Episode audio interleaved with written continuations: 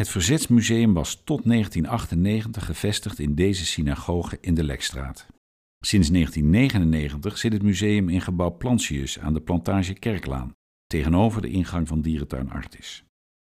In de collectie van het museum bevindt zich één document dat de geschiedenis van de synagoge direct verbindt met de geschiedenis van de Jodenvervolging. Het is een lijstje van verkoopadressen van de gele Jodenster, gedateerd op 29 april 1942. In Zuid komt men daarvoor terecht bij de synagoge. De ster moest uitdrukkelijk zichtbaar op de kleding worden gedragen. Sommige niet-Joden spelden uit woede over deze vernederende maatregel en uit solidariteit met hun medeburgers ook een gele ster op. De oude Jodenbuurt werd schertsend Hollywood genoemd. Dit grapje was eerder al in Warschau bedacht toen daar de gele ster werd ingevoerd. De rivierenbuurt, vertelt Miep Gies in haar boek Herinneringen aan Anne Frank, heette even de Melkweg.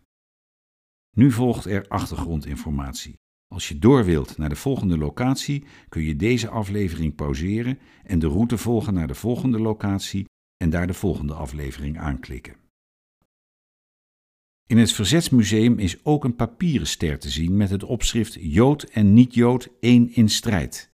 Deze papieren ster werd in een oplage van 300.000 strooibiljetjes verspreid door de groep rond het revolutionair socialistische verzetsblad De Vonk op 1 mei 1942. Een deel van de oplage liet men van het dak van de bijenkorf neerdwarrelen op de dam en het damrak. De Duitse politie beëindigde deze demonstraties met harde hand.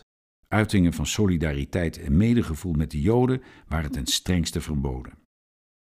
Sinds de jaren twintig waren veel Amsterdamse Joden verhuisd naar Zuid. Lang niet alle nieuwkomers waren trouwe gelovigen.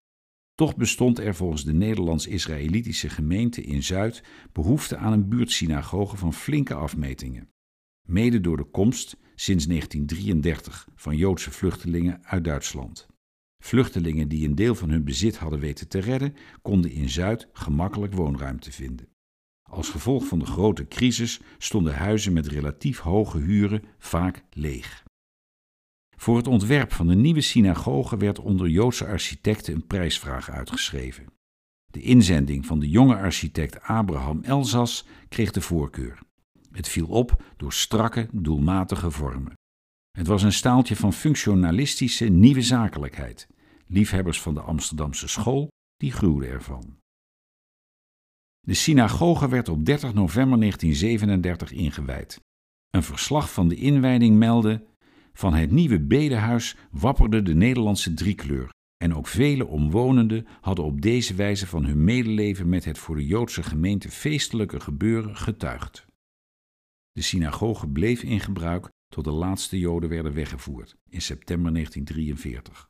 Vervolgens diende het gebouw nog als opslagplaats van meubels afkomstig uit de inboedel van weggehaalde Joden. Na de oorlog gingen overlevenden van de massamoord opnieuw naar de Schul in de Lekstraat. Veel plaatsen bleven leeg en in de loop der jaren daalde het aantal bezoekers. Rond 1978 begon de Joodse gemeente om te zien naar een nieuwe bestemming voor het gebouw. Gesloopt werd het niet, omdat het bijzonder en zelfs monumentaal is. In 1985 kon het Verzetsmuseum er zijn intrek nemen. Toen het museum in 1999 verhuisde naar gebouw Plantius, nam een veilinghuis intrek in een deel van de synagoge. In het andere deel van het gebouw worden nog altijd sjoeldiensten gehouden. In 2005 is het gebouw, dat een rijksmonument is, gerestaureerd. Het deel dat wordt gebruikt voor de sjoeldiensten is in oorspronkelijke staat hersteld.